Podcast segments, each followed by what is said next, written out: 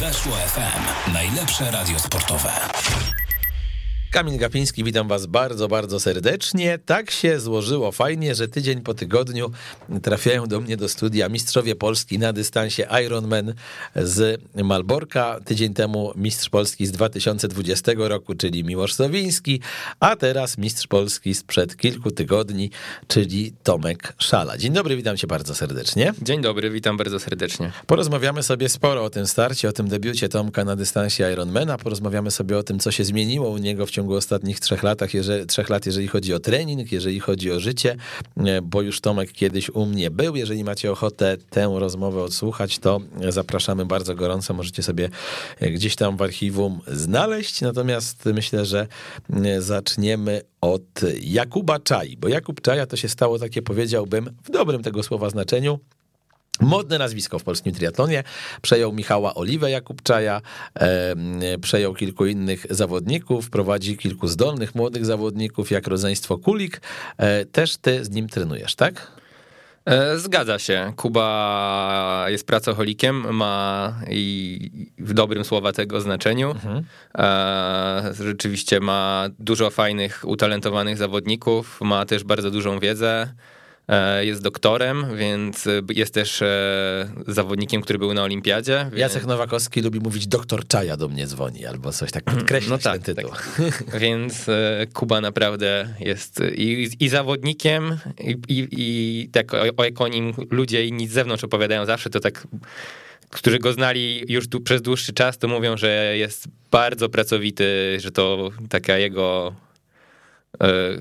Mocna strona. Mocna, Sześć dni w tygodniu pracuje, ponoć niedzielę. Myślę, że siedem. Myślę, że siedem. I nawet wczoraj chciałem go zagadać o ciebie, to powiedział, no nie mogę, nie mam teraz czasu, biegnę ze spotkania na spotkanie, zadzwoń rano w e, jutro, czyli dzisiaj e, to pogadamy, bo nie jest łatwo tutaj coś, widać, że cały czas coś e, robi. Zresztą chyba też Krzysiek Wiatrowski, nasz bardzo dobry biegacz, amator, a także triatlonista będzie teraz z nim, czy już z nim trenuje, także, także spoko. Jak powiedz trafiłeś do Kuby? Czy to właśnie była taka poczta szeptana, czy uznałeś, że mm, po prostu, nie wiem, sam śledziłeś wyniki innych zawodników i to jest dobry pomysł, skąd się to wzięło? Mm, nie, to Dariusz, Dariusz Dąbrowski, który u, z nim współpracował, e, jakby polecił Kubę mnie, mnie Kubie i, i tak się zaczęła nasza współpraca. Mhm. A to jest tak, że e, od razu jakby mm, on powiedział tak, czy trzeba jakoś przekonać? Bo wiem, że są trenerzy, ci popularniejsi już bez nazwisk w polskim triatlonie, że oni, że tak powiem, nie przyjmują każdego pod swoje skrzydła. Nawet jak jesteś powiedzmy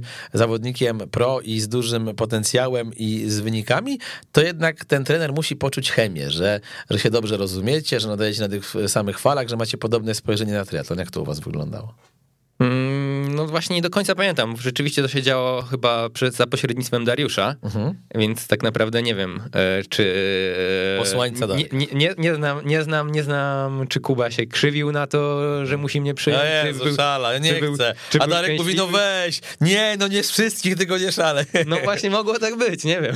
A, a powiedz, e, jak co zmienił? Bo od stycznia razem trenujecie, tak? A od stycznia poprzedniego roku, 2020. No dobra, czyli to już jest już dwa lata. Dwa lata. To co na plus przez te dwa lata e, z Kubą poprawiłeś? Gdzie widzicie na ten moment jeszcze, e, powiedziałbym, zapasy? No i też, czy to jest taka współpraca bezkonfliktowa, czy zdarza się wam ze sobą pokłócić? Jak to wygląda? Jakieś takie detale, niuanse? Znaczy kłócić się to nam się nie zdarza. W pierwszym roku ja miałem duży problem, że nie pasowało mi, że dzień po takim mocnym bieganiu miałem jeszcze.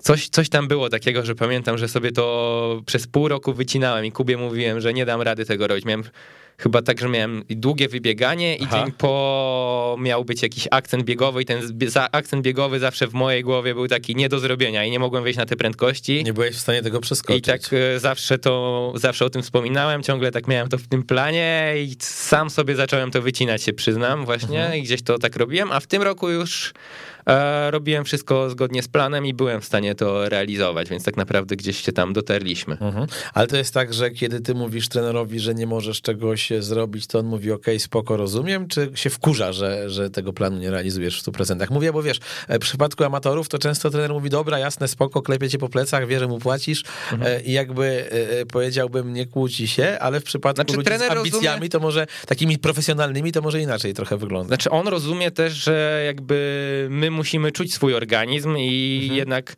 my jako zawodnicy lepiej czujemy ten swój organizm niż e, on, szczególnie, że pracujemy tak naprawdę na odległość. Może Mhm. gdybyśmy byli cały czas gdzieś, e, o, gdyby był obecny na każdym moim treningu, to byłoby to inaczej i wtedy moglibyśmy się bardziej kłócić o to, że wygląda, że mi się nie chce tego zrobić po prostu, a nie, Okej. że a tak na odległość, no to myślę, że trudno mu o, też tak argumentować i musi jednak mi zaufać, że ja e, robię wszystko na 100%. Okej, to co poprawiłeś przez te dwa lata już prawie współpracy, a, a gdzie są te rezerwy twoim zdaniem i być może zdaniem Kuby, także bo pewnie o tym rozmawiacie. No jakby odstaje najmocniej biegowo tak naprawdę od takiej czołówki światowej, to widać, słychać. E, Bo gdzieś e, na rowerze, to się, na rowerze też się mocno poprawiłem u Kuby.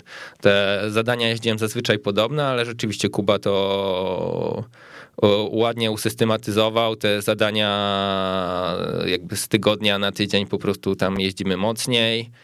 I gdzieś rzeczywiście w- lutym tego roku na zgrupowaniu to byłem po prostu w szoku. Gdzieś jeździłem jakieś takie 20-minutówki około 360 ładniej. Później w Dubaju na tej e, połówce pojechałem 3,45 chyba, tak? Był... 3,45, ale z biegiem 1,20, a na rowerze pojechałem godzinę 56. Tam średnio miałem 47 na godzinę i to było tak, Domierzona to była trasa, tylko szybka po prostu. Trasa tak? była domierzona.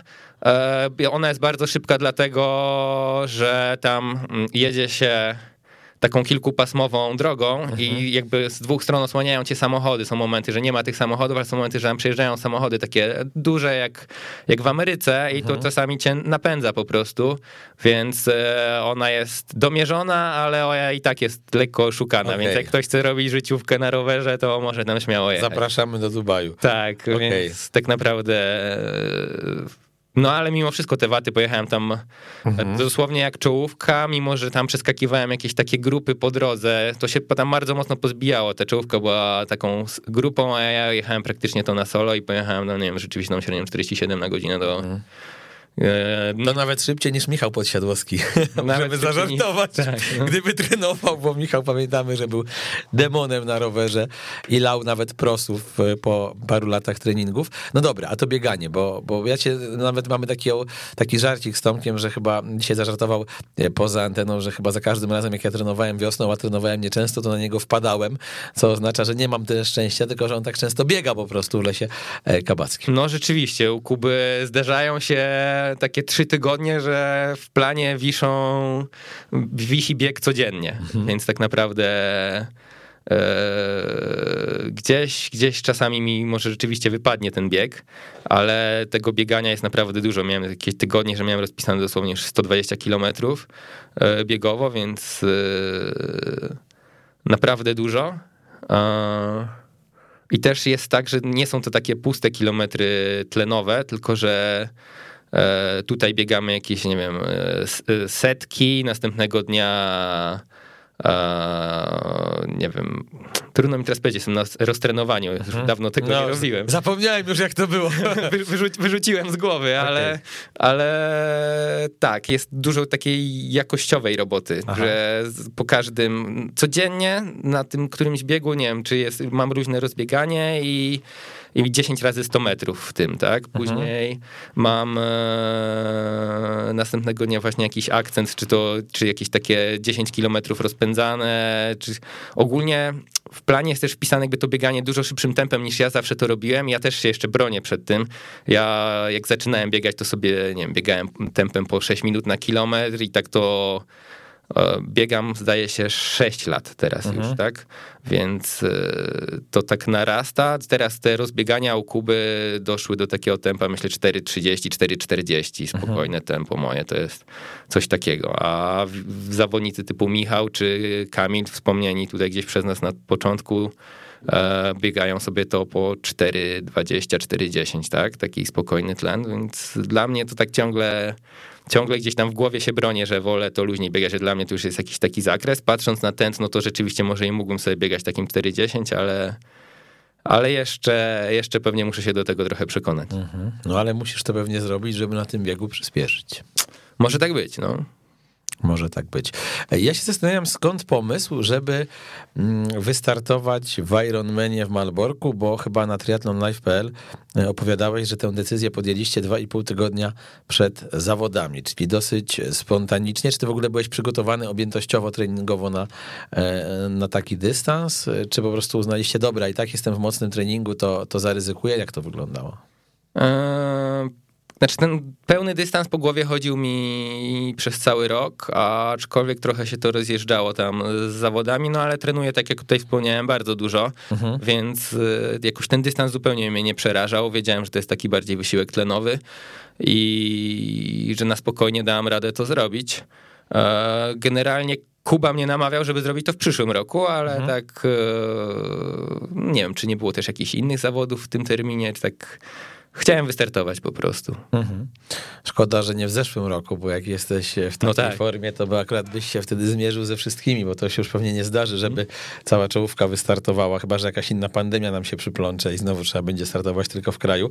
No ale generalnie mm, na pewno tam ta obsada była bardzo, bardzo mocna. No teraz też oczywiście mocna, ale, ale też troszeczkę inaczej to wyglądało. E, powiedz mi, czy jak stawałeś na starcie i patrzyłeś na swoich konkurentów, czyli tutaj na Kalacha, na e, właśnie ławkę na Kalacha, który już był też zmęczony, bo on mhm. przecież parę tygodni wcześniej zrobił Ironmana, to tak brałeś pod uwagę w ogóle, że, że możesz wygrać, czy raczej pojechałeś tam, jak to się ładnie mówi w, slago, w żargonie często piłkarskim, pojechaliśmy tam po naukę, e, żeby zobaczyć rywali i popatrzeć, a potem może w kolejnym sezonie będziemy z nimi walczyć? Jak to wyglądało? Nie, brałem pod uwagę, że rzeczywiście jadę tam, żeby to wygrać. Mhm. Więc nawet, nawet w głowie miałem ten nasz poprzedni podcast sprzed paru lat, uh-huh. że powiedziałem ci wtedy, że w debiucie złamię 8 godzin. O, I gdzieś tak to by było piękne. No i to, by, było, piękne. piękne. I gdzieś na początku nawet dobrze się składało. Czułem się dobrze, ale gdzieś coś tam popełniłem drobne błędy. Mam wrażenie i mnie postawiło na tym biegu. Nie do końca to było tak, jak uh-huh. sobie zaplanowałem i sporo jednak zabrakło. To też nikt mnie tam nie naciskał tak naprawdę, nie było tej presji i tak uh-huh. sam ze sobą po prostu próbowałem powiedz, się motywować. Jak właśnie te poszczególne etapy wyglądały? No pływanie wiadomo, że e, tam kolega Marcinek, tak, chyba szaleje i jest naprawdę niezły. E, Marcinek, e, ale on płynął, tam były cztery rundy w Malborku. Tomek Marcinek rzeczywiście odskoczył tam na początku, jak gdzieś byłem wyczytany z tyłu, zostaliśmy za nim, z Marcinem Ławickim płynąłem całość i Tomka Marcinka dogoniliśmy w wodzie po przed chyba końcem pierwszej rundy w ogóle i ja myślałem, że on będzie z nami płynął, a on został. Mhm. E, tam w czasach z Malborka jest przed nami jeszcze jakiś amator, który z nami wystartował gdzieś tam chyba do nas dopłynął i płynął u nas w nogach. Mhm. A, no tempo nie było zawrotne, ja w tym open water dalej się też jakoś nie przełamałem, żeby super szybko pływać na basenie, cały czas pływam szybko, a na to open water mi się a to nie A z czego to wynika, myślisz? Mm, trudno mi powiedzieć, czy ja właśnie, nie wiem, chciałbym potestować w tym roku na przykład różne pianki, czy czy ja w za małym rozmiarze pianki nie pływam, bo tak naprawdę ciągle pływam w MC, jestem całkiem duży i zastanawiam się właśnie, czy coś mnie tam nie blokuje. Muszę, może Elka? Może jakąś, mm, no chcę potestować sobie więcej pianek na pewno teraz okay. w tym roku, bo już i myślę, że i nawigacja jest niezła. Jakieś miałem, miałem lepsze starty w sumie w tej wodzie też, ale nigdy, nigdy jakoś tak dobrze. Gdzieś na basenie na pewno jest chwila tego odpoczynku, która daje mi sporo, tak? Na basenie 25-metrowym mhm. pływam dużo szybciej niż na 50-metrowym też, nie? Mhm. Więc może jestem takim typem zawodnika, który przez chwilę potrafi to utrzymać tempo, a później, gdy spadam z tempem, to zaczynam walczyć o... Dobra, no i wchodzisz na rower, ty nie ukrywasz, że wolisz się ścigać w takich ciepłych warunkach, z kolei nie ukrywamy też, że e, Malbork we wrześniu, to umówmy się, nie są Hawaje latem e, i w związku z tym, jak się jedzie, bo ja pamiętam tę scenę z zeszłego roku, gdzie jeden z faworytów, Robert Wilkowiecki, był tak biedny, wyziębiony, że mhm. szczebotał zębami i po prostu nie skończył etapu e, kolarskiego. Jak to wyglądało właśnie u ciebie?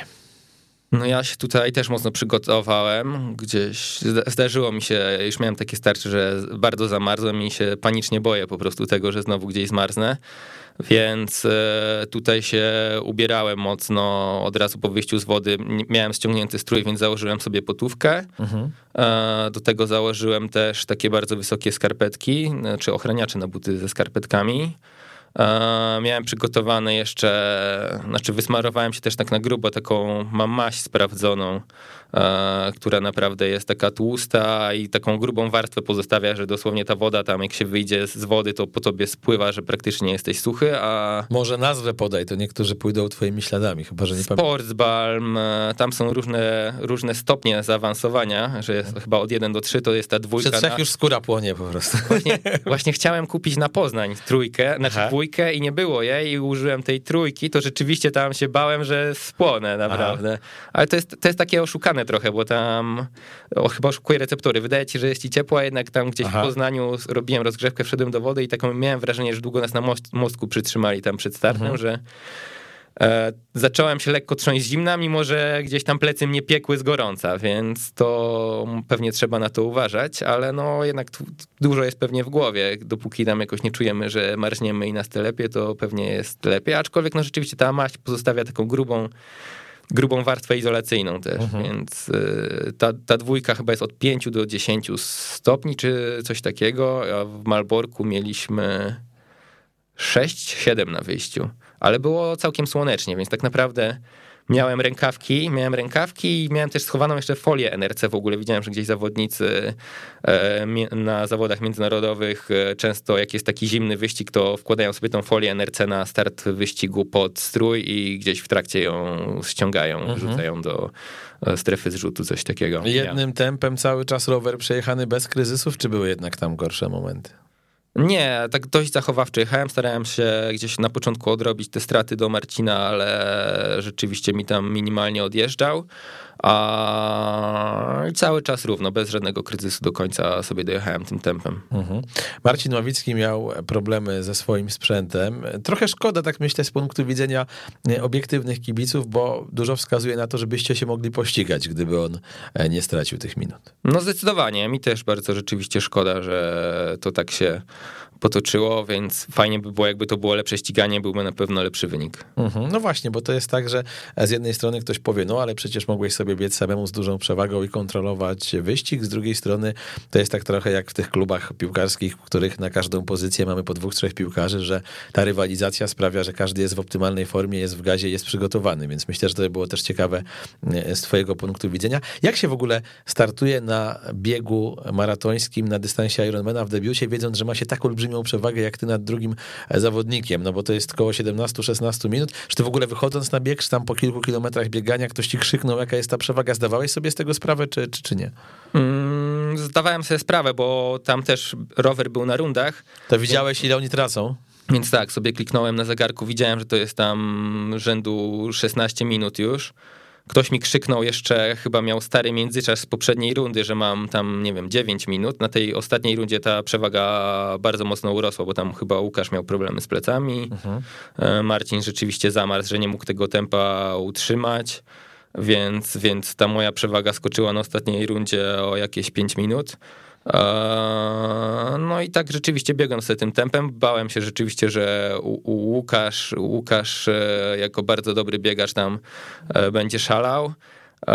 No szalał za szalą, można szalał by powiedzieć. za szalą, więc, e, więc tą pierwszą rundę z takim lekkim stresem rzeczywiście pobiegłem tym tempem zakładanym, że tam Filip Szołowski mi krzyknął, że tempo na rekord polski i to tak no ale jak już po tej pierwszej rundzie usłyszałem, że jest to 17 minut, później po drugiej znowu, że dalej mam to 17 minut, to ta walka była taka, już zaczęła się sama ze sobą. Gdzieś mhm. moje myśli wędrowały bardzo daleko, że no nie wiem, myślałem o takich rzeczach zupełnie nawet niezwiązanych ze sportem, no w końcu to jest bardzo długi wysiłek, 8 godzin. No tak. Co tam robić, nie? Zacząłem się, powiedz, można powiedzieć, prawie że nudzić. Mhm. Więc gdzieś myślami tak się odrywałem, jak mówię, kurczę, o czym ty myślisz, no? Biegnij, Trochę nie? jednak szkoda, że ktoś cię nie puszował, bo myślę, że tak. wtedy ten wynik był byłby po prostu tak, lepszy, tak, tak. Tak. No ale też. Znaczy nogi, muszę powiedzieć, że nogi też tam nie chciały, odmawiały po trochę posłuszeństwa. To tempo moje mocno spadło. Tam pierwsza runda była lekko poniżej 4 minut na kilometr, a później zrobiło się do 4,10. Jakieś kilometry mi po 4,20 wpadały nawet. Mhm. No i nawet byli, miałem się z zawodnikami z tego krótszego dystansu, bo tam jeszcze była połówka i, no i zdarzało się, że na przykład doganiałem kogoś, ktoś mi zaczynał odbiegać e, i tak trochę, trochę z nimi próbowałem się ścigać, ale później ich doganiałem, wyprzedzałem i to takie oszuk oszukane, oszukane próbowanie się, próbowanie się A ścigania. ty przebiegałeś e, wcześniej maraton? Nie, nie, to mój pier Pierwszy pierwszy, pierwszy tak długi bieg w życiu. Gdzieś Okej. tak naprawdę w ramach przygotowania zrobiłem dwie trzydziestki trójki w Lesie Kabackim, Mhm. więc y, to mój pierwszy taki długi bieg był od razu. I e, jakie jeszcze wnioski po takim biegu właśnie samotnym? Medytacyjny bardzo. Można wiele rzeczy przemyśleć. Można bardzo dużo przemyśleć. Pomysł na startup, słuchaj, znaleźć. Ty jesteś inżynierem, to wiesz, wszystko Pe pewnie aż mo możliwe, że myślałem o jakichś tam urządzeniach do, do trenowania, co, co, co, co mam w głowie, żeby to robić, więc yy, tak. No dobra, jest Mistrzostwo Polski, czas 8.15, tak? Z tego co pamiętam. E, chyba Tak, dokładnie 8.15. 8.15, czyli bardzo przyzwoity. Nie, Zastanawiam się, to pytanie też zadawałem ostatnio Miłoszowi, kiedy polski pros złamie 8 godzin i czy uważasz, że to trochę będzie tak, że jak z tym biegiem na mile, że wydawało się, że nie da się 4 minut złamać, zrobił to Roger Bannister i potem hurtowo zaczęli łamać, bo jakby w głowie się przestawiło innym, że to jest możliwe. E, Czy jesteś też właśnie takiego zdania, że jak pierwszy Polak zrobi tam powiedzmy, nie wiem, 7,58 e, i to, to pójdzie za tym taka cała fala, że trzech czy czterech czy pięciu zanim poleci. Znaczy, no ten poziom u nas się podnosi systematycznie, co widać na tych zawodach. Eee, Na pewno jest kilku zawodników, którzy są w stanie to zrobić. To jest też kwestia samego wyścigu i trasy. Dnia też, nie? Dnia, warunków, bo to nawet jakieś takie to ciśnienie atmosferyczne danego dnia, czy wiatr, to jak wieje, sprawia, że jest szybszy wyścig lub wolniejszy. Też jak się grupy połączą, bo to niby mamy ten wyścig bez draftingu, ale prawda jest taka, że jadąc w tych przepisowych 12 metrach, tam zyskuje się, że przy tych prędkościach nawet 30 W, gdy zawodnicy się pozmieniają, to mogą zyskać pewnie przy takich 180 kilometrach jakieś, myślę, że 15 minut, jak się taka bardzo duża grupa zrobi. Ja myślę, że ty, Robert Wilkowiecki, Miłosz Sowiński to są zawodnicy, którzy mają ambicje, żeby te 8 godzin złamać, chociaż myślę, że Łukasz Kalaszczyński, mimo tego, że PESEL prawie tak stary jak mój, bo my się znamy z Płocka, Łukasz 8,4, ja 8,3, e, to też ma swoje ambicje cały czas sportowe. Widać, że temu sportowi poświęcił bardzo dużo i że e, gdzieś tam ta e, chęć złamania 8 godzin u niego też musi być. No tak, może kwestia jakiejś współpracy byśmy się umówili, że projekt. łamiemy projekt poniżej 8 godzin, umawiamy się, jeździmy po torze, nie wiem, w Modlinie, czy gdzie jest jakiś większy Albo tor. po tej trasie, co Frodeno się z tym, z Tak, Sandersem ściga. tak, Słuchaj, pobudujemy sobie rampy i polecimy to na spokojnie, od razu będzie pięciu, tak jak mówisz, poniżej 8 No godzin. właśnie, to by było niezłe, gdyby się udało coś takiego zrobić. Nie, Powiedz, czy po tym pierwszym Ironmanie miał jakieś zastrzeżenia trener, czy, czy wszystko na plusie, wyściskał cię, wycałował, powiedział o to chodziło, czy, czy jednak gdzieś tam jakieś minusiki. Wiesz, ja mówię o tym dlatego, bo zdarzają się takie sytuacje, że e, w najlepszych znowu do piłki nożnej nawiążę drużynach czasami bywa tak, że zespół wygrywa 4-0, a trener potrafi w szatni dać zjebkę, bo na przykład nie podobało mu się ustawienie przy kryciu przy stałych fragmentach gry. Czy jakieś takie drobne szczegóły tutaj e, wychwycił Kupa, czy, czy, czy, czy nie? Mm, No nie, od, od trenera nie dostałem e, żadnych pretensji i do siebie mam tam drobne pretensje, bo tam rzeczywiście mi żelki nie doszły na czas, powinienem sobie kupić dzień przed. Miałem taki problem, że e, nie miałem po wyjściu z wody żela, dopiero mi tam e, obsługa, czyli mo, moja dziewczyna Kamila i Piotrek, e, Piękne kolega. imię. E, tak, o, kupili mi żele w trakcie już trwania wyścigu Aha. i dostawałem je jakby dopiero po pierwszym okrążeniu, jak gdzieś miałem ze sobą mm, na pierwsze okrążenie Snickersa i tak on mi się obijał też w głowie cały czas, że to, to nie było jednak to, bo ktoś mi kiedyś podpowiedział, że tym pełnym to taki fajnie jakiś pokarm stały, ale to chyba nie było do końca. Czyli nie przetestowałeś tego wcześniej. No nie, nie. Tak nie. mało, mało mądrze, ale rozumiem cię, bo ja Mało też, bo ja też tak zrobiłem, pamiętam jak właśnie w- Malborku na Ironmanie już nie mogłem tych cholernych żeli jeść i zjadłem em, bułkę słodką, której nigdy wcześniej nie jadłem i mi stanęła w przełyku i po prostu pomyślałem, Gapiński, jaki ty jesteś głupi, no przecież jakbyś ty nie próbowałeś, to nie jedz tego na zawodach, to jest pierwsza zasada, no, że się po prostu tego nie powinno No robić. ja właśnie tak w głowie miałem, że te żele może mi się nie wchłaniają przez to, że coś e, jest nie tak, coś, coś zrobiłem innego Aha. i jeśli tam, że te, te nogi mi odmawiały posłuszeństwa na bieganiu, ja na siłę wciskałem w siebie te żele i no miałem taki duży kryzys na tym bieganiu, rzeczywiście, że nie mogłem się zebrać, nie wiem, czy właśnie to moje trawienie było prawidłowe. Mhm. Powiedz mi, czy po tym pierwszym Ironmanie i od razu zwycięskim i od razu okraszonym też złotym medalem mistrzostw kraju, to jest tak, że się teraz napaliłeś jak szczerbaty na suchary na kolejne pełne dystanse, czy jednak mówisz sobie spokojnie, e, nie wiem, na przyszły rok jednak to połówki będą tą moją domeną, do czego przyzwyczaiłem e, siebie oraz kibiców, a tam na Ironmanie wystartuje raz, jak to jest? Jak, macie już w ogóle jakiś scenariusz, czy, czy jeszcze się nad tym nie No na razie jesteśmy na etapie tego roztrenowania, jeszcze, jeszcze, jeszcze nic nie, nie ustaliliśmy konkretnego. Pewnie zrobię jakiegoś takiego Ironmana, Ironmana z tego, jako Ironmana od korporacji, Aha. e, gdzieś w świecie myślę, żeby spróbować się pościgać mocniej. Ale nie wiem, kiedy to będzie. Fajnie, znaczy, no myślę o jakimś szybkim wyścigu jednak, żeby powalczyć o ten e, czas. Rekord polski, 8.04.58 chyba, jak dobrze pamiętam. Nie, no od razu poniżej tych ośmiu. No, i Nie tak bawmy już- się, nie bawmy A. się. Tak. Idźmy grubo.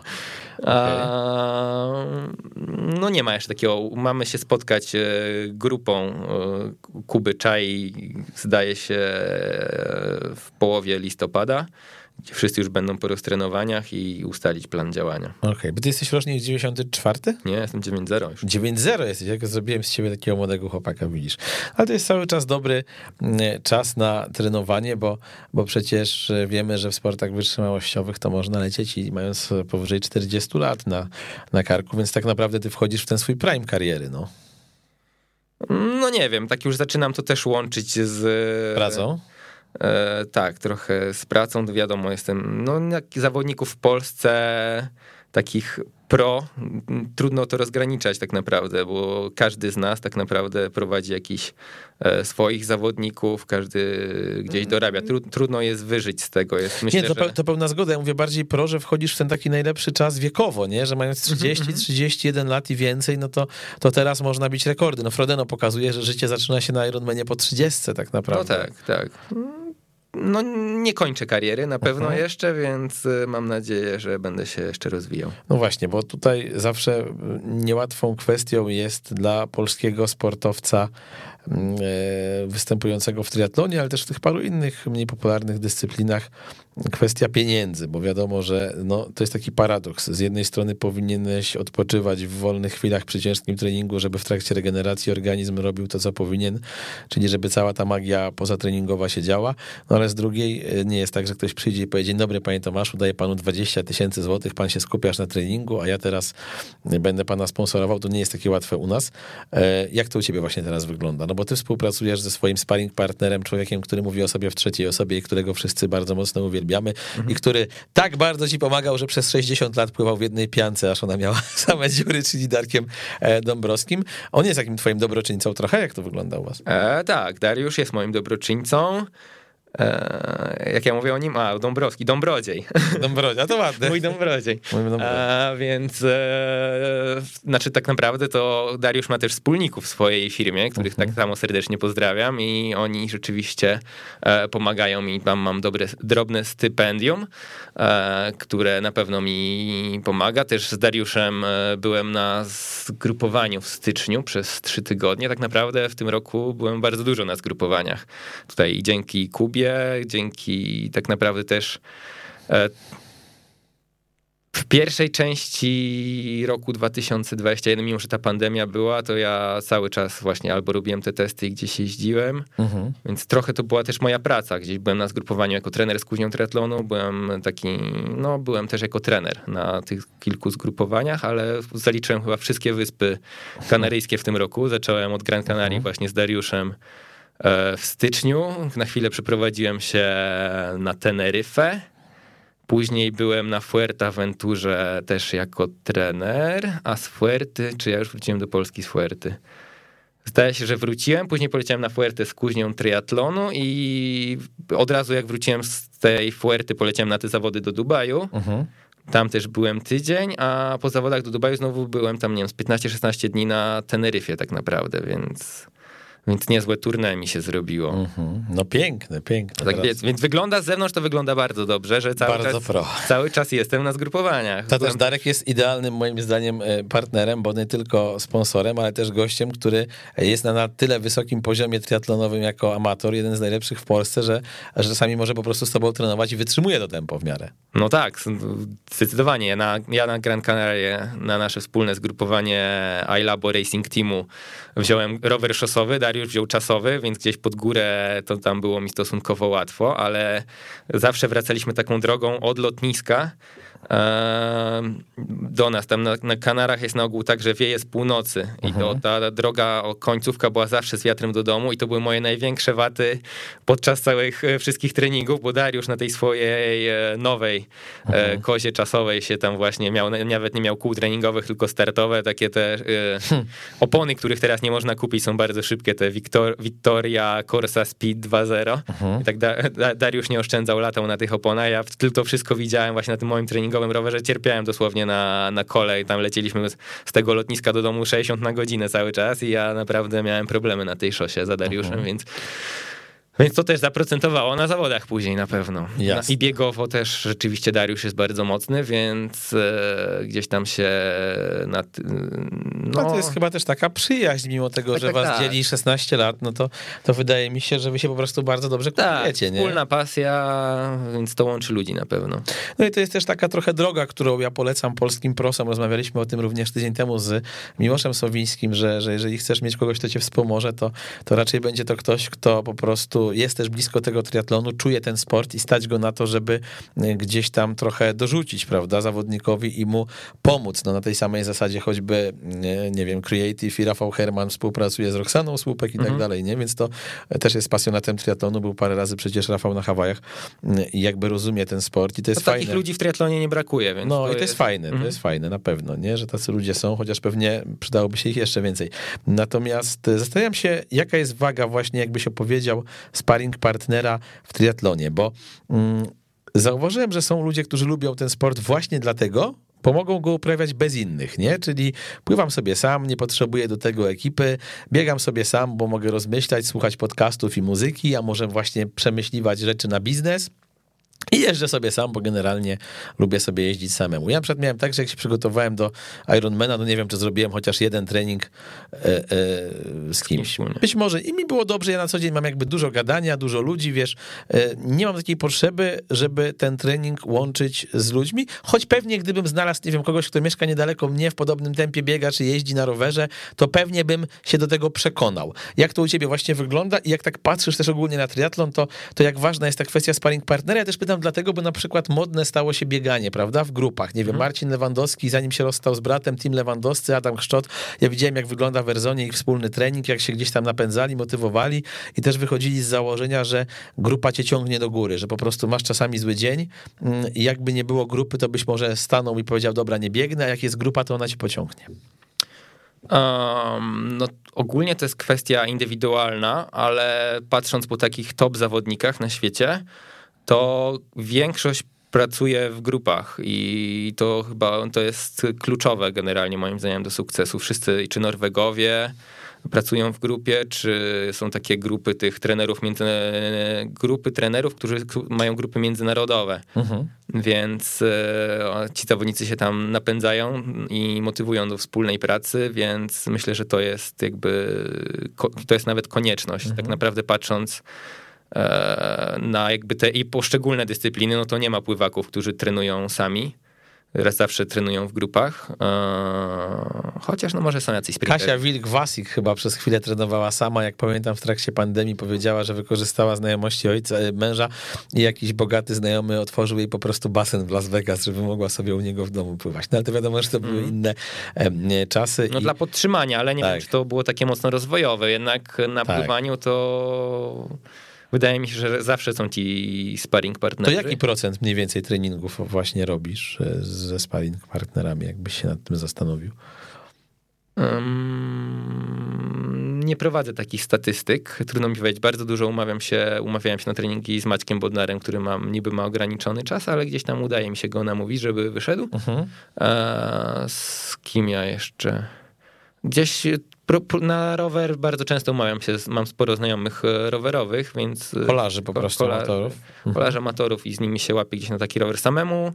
Nie, to jest kwestia taka może też, że jeśli ty tutaj w pracy masz bardzo dużo kontaktów e, międzyludzkich i i jakby może już masz przesyt takich kontaktów, to wolisz sobie zrobić to samemu jako odskocznie i przemyśleć na spokojnie. A tak. w drugą stronę, jeśli ja tak dużo mam jeździć samemu, to zaczyna mi się to już nudzić i fajniej z kimś y, dzielić jednak ten mhm, trening i jasne. nawet jakiś taki tlenowy, to sobie zawsze o czymś porozmawiać i jakiś... Taki coffee mieć... ride, można zrobić przerwę, tak. gdzieś w górach e, napić się kawki i tak dalej, jasne. Więc no sporo na tych zgrupowaniach to trenowałem e, wspólnie rzeczywiście, że z kimś tam się umawiałem i no jakiś zrobiłem zrobiłem kilka takich stricte Ironmanowych rajdów e, na tych Kanarach. Na każdej wyspie praktycznie robiłem jakiś taki jeden szalony, gdzieś z Dariuszem właśnie na Gran Canaria zrobiliśmy dookoła wyspy 200 kilometrów. Później na Teneryfie z kolegą Piotrkiem, który był w tej mojej obsłudze, walnęliśmy też chyba pierwszy, pierwszy raz w moim życiu przewyższenie ponad 5000 metrów w górę na jednym treningu. Na mhm. rowerze też jakieś takie 180 kilometrów. Tam zrobiliśmy rower przez maskę i szczyt Teide jednocześnie. Później na Teneryfie też sam wyskoczyłem raz. Nie, to też spotkałem jeszcze kolegę. Na każdym treningu kogoś e, Zawsze wyłapuję. Okay. Praktycznie każdy ten długi rower, to jak nie w połowie, to w jakiejś części gdzieś z kimś dzieliłem, więc tak naprawdę... A triatlon cię otworzył na ludzi, masz wrażenie, czy wcześniej też byłeś otwarty? Mm, wydaje mi się, że zawsze byłem otwarty. Mhm. E, powiedz mi, jak wygląda kwestia u ciebie diety i czy to jest tak, bo zawsze ostatnio e, jakoś tak e, rozmawiam z triatlonistami czy z biegaczami o jedzeniu, o nawykach żywieniowych i ciekaw jestem, jak to u ciebie wygląda. Czy zwracasz na to jakąś mocną uwagę, czy sobie sam gotujesz, czy ci gotuje dziewczyna, czy masz catering, jakich produktów unikasz, czy pozwalasz sobie, wiesz, na, na fast foody, jak to u ciebie wygląda? Jest to pole na pewno, którym powinienem się poprawić. Hmm? Mam to w świadomości. Gotuję sobie na ogół sam. Um, trudno mi powiedzieć. Nie jem jakichś super dużo niezdrowych rzeczy, ale na pewno jem za dużo cukru, mhm. bo no nie wiem, teraz na przyrost trenowania może nie mam takiego zapotrzebowania na te takie kalorie, ale ale też wczoraj zjadłem taką całą paczkę ciasteczek. Ja potrafię, potrafię zjeść właśnie prze, przerażające ilości cukru naraz też. No jak niektórzy e, się zasładzają jakąś małą ilością, to... Większą tolerancję masz. Tak, to ja Okej, okay, prostu... a takie dania popisowe, nie wiem, makarony, coś, co, co, co możesz tak sobie na szybko zrobić, że wiesz, że będzie dobre i, i da ci energię po ciężkim treningu lub też przed? Mm, to ogólnie mam tak okresami, że nie wiem, przez jakiś okres robię bardzo podobne dania. Nie wiem, jestem mało kreatywny może, ale ostatnio robiłem ciągle spaghetti alio olio, mhm. a nie wiem, też robiłem wcześniej carbonarę. Um, nie wiem. Czyli jakieś... jesteś w stanie też jeść ileś dni z rzędu to samo, tak? Nie, nie, nie tak, że to samo, ale że one się powtarzają hmm. w menu. Też jakieś takie, często robiłem sobie takie pieczone warzywa. Też był taki okres, że robiłem taką orientalną e, ryż z tofu, batatami. A mięso jesz? Bo to na same takie wegetariańskie rzeczy teraz wymieniasz. Nie no, w carbonarze jest boczek. No tak, ja dlatego pomyślałem, bo generalnie... robiłem fit carbonare, bo znalazłem taki fajny przepis, że zamiast y, śmietany ser mascarpone, a zamiast y, boczku łosoś i była bardzo dobra, dlatego mam w głowie, że carbonara bez mięsa. Ale ser mascarpone też jest bardzo tłusty. To prawda, ale chyba mniej tłustszy, bez... no ja nie Bardziej wiem. tłusty od śmietany, tak mi, na... tak mi napisali, że to jest fit ten.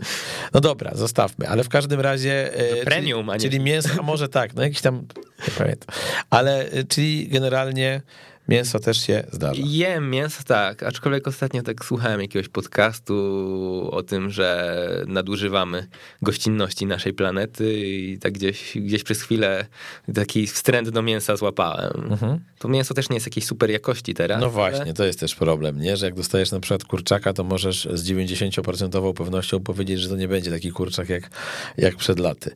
E, no dobrze, a powiedz mi, bo opowiadałeś w jednej z rozmów które w internecie wyczytałem odnośnie idola, że triatlonowego idola jeszcze nie znalazłeś, a to jest rozmowa chyba sprzed kilku lat, że gdy jeździłeś na rowerze, to podziwiałeś Fabiana Cancellarę, że piłkarsko to Michael Owen, a jako pływackie wzory, być może Thorpe i e, Phelps? E, czy jakiś taki triatlonista ci się urodził po drodze, którego, którego zacząłeś podziwiać, czy, czy zupełnie nie? No nie, to taka, pamiętam, że jakaś rozmowa z moich początków, początków mhm. sprzed pięciu lat, no ciągle nie mam jakiegoś takiego idola naśladowcy, raczej szukam e, przykładu z wielu, w sensie... Mhm. A miałeś takie rzeczy właśnie, że od tego triatlonisty wziąłeś to, od tego wziąłeś tamto, że czymś się zainspirowałeś, czy takim, żebyś mógł to konkretnie na przykładzie po, podać, czy, czy nie bardzo? Mm, nie, nie, ciężko mi powiedzieć. Nie, Okej. raczej. A skąd ten Michael Owen się wziął? Byłeś kibicem Liverpoolu czy Realu Madryt? Bo to, bo to on grał w sumie w tych dwóch klubach na takim To, wysokim pamiętam, że dokładnie w tym miejscu siedziałem z tobą i o tym rozmawialiśmy. A to widzisz, ty pamiętasz, ale przez, Widzisz, przed a ty trzech masz lat wiek, tych- wie, a to raz, a dwa ludzie też nie pamiętają. To możesz jeszcze tutaj powtórzyć. Nie, no byłem kibicem Liverpoolu i też ustaliliśmy, że Michael Owen e, miał tą samą datę urodzenia co ja, tylko 10 A, lat więcej, a ty masz jakoś jeden dzień przed coś takiego. Coś 12, 12 grudnia. o, Michael Owen jest 14, a ja też 14. No to widzisz, to, to, to bardzo, bardzo Już dobre. skończył karierę dość dawno. No już tak, to prawda. Już niestety nie jest złotym dzieckiem piłki, bo już jest chyba po 40 Michael Owen albo coś koło 40. No po, po, po, 10 lat, nie? E, poczekaj, ile on ma? Tak, to jest 80 rocznik. No, straszne. Ludzie z 80 rocznika, pierwszego już 40 kończą w tym roku. Ja jeszcze mam dwa lata, więc jakoś to mm, wygląda. E, powiedz mi, czy e, ten występ w Dubaju na mm, 25 miejscu zakończony z czasem 3,45 e, to jest taki twój najlepszy występ na połówce Ironmana? Najlepiej go wspominasz, czy masz jakiś, który prywatnie cenisz wyżej w klasyfikacji, że tak powiem, startowej? Mm. Zastanawiam się, zastanawiam się. Całkiem udany start miałem w tym e, Los Cabos Mhm. w 2019. Tam było mało startujących, trudno to odnieść. Ale to jest, Nie, rekord, to jest rekord życiowy, tak? Czy Tak, to- czasowo, czasowo no też na pewno mój rekord życiowy. Tu miałem, miałem spore kol, kolki na biegu w tym Dubaju. A tak naprawdę nie wiem, czy to jeszcze przez pozycję. Początkowo w tym sezonie praktycznie na każdym starcie e, miałem problemy z kolkami. Jakby w, w dalszej części sezonu to zniknęło, ale e, nie wiem, czy się dostosowałem do pozycji. Mhm. A powiedz, y, jak przyjeżdża taki zawodnik z Polski e, wystartować na takiej imprezie, tam pewnie nie brakowało niezłych nazwisk, nie? W Dubaju? No, Nie, w Dubaju lista była bardzo duża. no właśnie. No to, Więc- to, jak, to jest tak, że ty normalnie możesz sobie z nimi pogadać, podchodzą do ciebie jak do kolegi, czy jesteś dla nich totalnym anonimem, którego nie znają i nie wiedzą e, skąd się pojawił, czy tam po zawodach jesteś w stanie porozmawiać, jakby czujesz tę bliskość e, tych dużych nazwisk, czy, czy, czy nie? Jak to wygląda na co dzień, jak jest taki start? W samym Dubaju chyba nie było jakichś super dużych nazwisk i rzeczywiście z nikim się chyba specjalnie nie zakolegowałem, kiedy tam poleciałem na ostatnią chwilę, dwa dni przed startem i raczej to przy tej pandemii to jest wszystko takie przepychane szybko dalej, nie ma jakichś tych wspólnych briefingów. E, gdzieś, nie wiem, pamiętam właśnie, czy przy, wcześniej to może rzeczywiście było tak, że nie było takich dystansów. Były jakieś takie wspólne briefingi, gdzieś byłem na takim challenge Daytona też. No i właśnie to wyprzedziłeś moje kolejne pytanie, żebyś mi o tym opowiedział, bo to było naprawdę e, takie niezwykłe, ciekawe zawody. Trochę byś o nich e, e, przypomniał, jak to było. Mm, No więc ja byłem na takim też dużym tournée objazdowym, powiedzmy. Byłem świadkiem u kolegi na ślubie w Meksyku i połączyłem to, połączyłem to z dwoma startami właśnie na Cozumel połówce. Połówce chwilę przed ślubem jeszcze w, w, w, w Los Cabos wspomnianym. A ty tam gdzieś wygrałeś chyba, tak? Zawody, czy byłeś wysoko? Tak coś mi się... Byłem całkiem wysoko w tym Los Cabos, ale tam też miałem problemy żołądkowe. Okej. Nie, no nie, już nie, nie będę się, no... Trzeba było się na poziomie- tortilli nawpieprzać dzień przed startem, no wiśnieją. Nie no, żartuję. No. No, napiłem się wody, tak jak ja się pilnowałem przez cały No. miesiąc wcześniej, jak byłem, że, żeby nie pić wody e, z kranu z filtra, a tam jeszcze było kilka osób oprócz mnie w tym Airbnb, Okej. które wynajmowaliśmy, tam e, chłopaki robili jeszcze wieczór kawalerski, a ja trochę wcześniej z wieczoru uciekłem i, i, i poszedłem spać, ale było tak, że z, z lotu przyszliśmy, tam jakoś długo się zeszło z wynajmem samochodu i tak tylko wparowałem do domu, już strasznie pić mi się chcieć i zapytałem się, czy to pitna woda w takim filtrze. Powiedzieli mi, że tak, napiłem się i właśnie miałem takie rewolucje żołądkowe dwa dni przed startem. Oj, więc też tak, osłabiające mocno, nie? tak, tak, tak, więc o ile nie, było, nie miałem problemów na pływaniu i rowerze, to na bieganiu pierwszy raz w życiu zaliczyłem to i to ja tam, więc... Mhm. No dobra, ta Daytona, jak to wspominasz? Daytona właśnie gdzieś Eee, zaliczyłem właśnie roz, po tej całej historii, zaliczyłem roztrenowanie tam jeszcze w Meksyku, pozwiedzaliśmy i do, do, do, do tam takiego mojego e, pracodawcy, sparring partnera Tomasza wpadłem do, do Miami, więc tam u niego sobie tak wdrażałem się w trenowanie, no i ta Daytona była przy okazji, więc wynająłem sobie samochód, pojechałem 400 kilometrów, e, czy tam 280 mil na północ do tego Daytona, trochę inny świat rzeczywiście niż już to Miami, tylko tam już zaczęły grać kolendy w radiu i no i takie stany, nie, nie tak, że wszędzie Porsche, Tesla, McLareny, tylko już e, normalny świat bardziej. Mhm. No i same zawody, no to ten tor robi rzeczywiście bardzo e, bardzo dobre wrażenie. Jak się jedzie po nim w ogóle? Bo to... Mm, nawierzchnia nie była jakaś e, super. E, tam ci szybsi zawodnicy, jak mnie dub, dublo, dostałem dubla, więc tam był Andrew Starykowicz, Mike... Mie, Sanders i jeszcze był e, ten Ditlef, e, wschodząca mhm. gwiazda. On chyba tam przez chwilę kręcił najlepsze czasy, ale mimo wszystko Starykowicz i Sanders szybciej pojechali. To oni widziałem, że jeździli tam wyższą, wyż, na wyższych partiach tego toru, żeby łapać lepszy asfalt. Ja jednak tam mm, mhm. robiłem jak najkrótszy dystans po wewnętrznej. I on jest bardzo mocno nachylony a trybuny są ogromne. Tam też no jakby mm, właśnie traktowali nas jak takich e, zawodników. Ja tam wydrukowali mi plik jakby ulotek e, do, do rozdania autografów, ale no tak naprawdę mhm. E, triatlon to całkiem niszowy sport i nie było dużo tam tych chętnych po te autografy. Do, do Sandersa rzeczywiście stała kolejka, a ode mnie tam, nie wiem, może rozdałem z 10 tych autografów dosłownie. A to jest tak, że ty w ogóle jak się zgłosiłeś na te zawody, to każdy mógł e, wziąć w nich udział prost, czy, czy, czy jakoś... Wtedy, tak, to, było, to nie było to takie z, kwalifik z kwalifikacją, tylko wtedy to był ten pierwszy wyścig i można było się zgłosić, mhm. więc zgłosiłem się. Czyli takie ciekawe. Jaki to był dystans, przypomnij, olimpijski? Mm, nie, tam Mm, już niedokładnie pamiętam. Chyba było jakieś 1500 metrów pływania, 1600. Mhm. Tam w takim zbiorniku przeciwpożarowym dosłownie się pływało na terenie toru. Ale on taki bardzo duży, tam też jakieś takie łajby do, na ryby na nim normalnie stoją. Mhm. Dalej jeździło się około 60 km na tym torze i biegu było 13 km, coś taki takiego. Olimpijski plus można powiedzieć. Tak, dystans. tak, tak. Okay. Olimpijski plus, coś między po olimpijskim a połówką. Okej. Okay.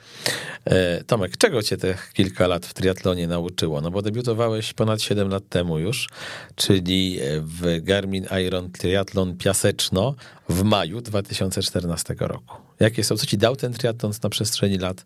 Co ci być może odebrał? Znaczy, no nic mi nie odebrał. To jest e, dobra zabawa, pasja, dużo, dużo ludzi poznanych. E, naprawdę fajnych i którzy, no jak to już wspomniałem, gdy się dzieli tą pasję, to łatwiej się e, e, zaprzyjaźnić, więc naprawdę fajna przygoda. Mhm. Ale taka przygoda, którą sobie na przykład wyznaczyłeś, nie wiem, datę, że będziesz robić to do 40, żeby skały srały, czy, czy w pewnym momencie jednak uznasz, że bardziej stawiasz właśnie na życie zawodowe? Bo przypomnij, jakie ty masz wykształcenie? Jestem magistrem inżynierem lotnictwa i kosmonautyki. No właśnie, ja nie chciałem tego przypomnieć z głowy, bo wiedziałem, że się gdzieś pomylę. Czyli to nie jest tak, że wiesz, postawiłeś wszystko na sport i jak ci sport nie wyjdzie, to nie będziesz miał co do garnka włożyć, tylko e, jest to taka dosyć, tak mi się przynajmniej wydaje, specjalizacja, e, przy której gdybyś się na niej skupił, to można nieźle zarabiać. Mm, trudno mi powiedzieć. Na początek na pewno nie byłoby jakoś e, super kolorowo, wiadomo, trzeba zdobyć to doświadczenie, a szukam trochę dróg na skrót. Mhm. I, Czyli? I ja próbuję, znaczy no nie wiem, nie, nie wiem, czy to jest też taką moją pasją, jakby ten, e, to całe lotnictwo. I jak tak mówisz, to już czuję, że nie jest po prostu, bo jakbyś no było, to byś powiedział, że jest pewnie. I, i strasznie mnie, strasznie mnie, nie, nie jest tak, że mnie ciągnie jakby do tej pracy. Znaczy jest jakby interesujące i sama sama inżynieria jakby sama w sobie jest dla mnie fajna i fajnie było robić jakieś takie duże projekty, ale też e, nie wiem, czy mam powołanie takie, żeby czuł, że już muszę uciekać z triatlonu tam. Mhm.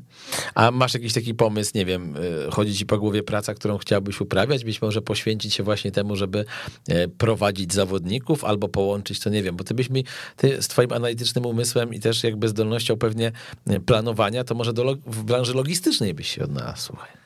Być może tak, no tak naprawdę już planuję jakby zawodnikom treningi, więc gdzieś któraś ostatnio zawodniczka mnie tam chwaliła na Instagramie, że tu skacze między klinikami i tak dalej, a ma zawsze wszystko dograne co i jak. Tak naprawdę to ona mi zapewnia te wszystkie informacje bardzo dobrze, ale no nie wiem, logistycznie rzeczywiście mhm. tak naprawdę i z tymi wszystkimi podróżami moimi czy coś, to uważam, że rzeczywiście jestem całkiem y, niezłym demonem logistyki tak naprawdę. Mhm. A możesz zdradzić, jaką teraz pracę wykonujesz? Czy to jest top secret? E, teraz, e, teraz e, jestem triatlonistą, jestem mhm. trenerem. Mam, mam, mam kilku szefów, no. Jestem, mhm. Mam też, też pracuję w E, funduszu inwestycyjnym MCI, ale jestem tam takim asystentem mhm. E, prezesa Tomasza, który też triatlon e, trenuje. Czyli więc wszystko w tym triatlonowym świadku zostaje. Tak, tak, więc tam, tam pomagam ogarniać jakieś takie rzeczy i okołożyciowe i trochę takie inwestycyjne, delikatnie też zahaczam, więc, więc tak naprawdę sporo czasu też teraz mi to pochłonęło. O tyle łatwiej pewnie, bo jest roztrenowanie, to można to godzić, nie? Roztrenowanie dopiero zacząłem, więc y, A, w tym myślałem... tygodniu. Jeszcze w, jeszcze w ten weekend startowałem w Grecji na Xterze. A, okej, okay, to tego nie wiem. Dobra. Więc, więc, więc po tej Grecji tak naprawdę zacząłem teraz roztrenowanie. Tam trochę pozwiedzaliśmy Ateny z dziewczyną, Akropol e, bibliotekę i jakieś takie te większe mhm. antyczne zabytki. A no teraz na pewno rzeczywiście będę mógł się trochę bardziej skupić też, być lepszy w pracy. No to życzymy ci tego, żebyś w pracy był jak najlepszy i to w każdej z tych prac, które wykonujesz, bo trochę tych prac jest i trenera i tutaj słyszymy, że fundusz i słyszymy, że mm, oczywiście są plany zawodnicze.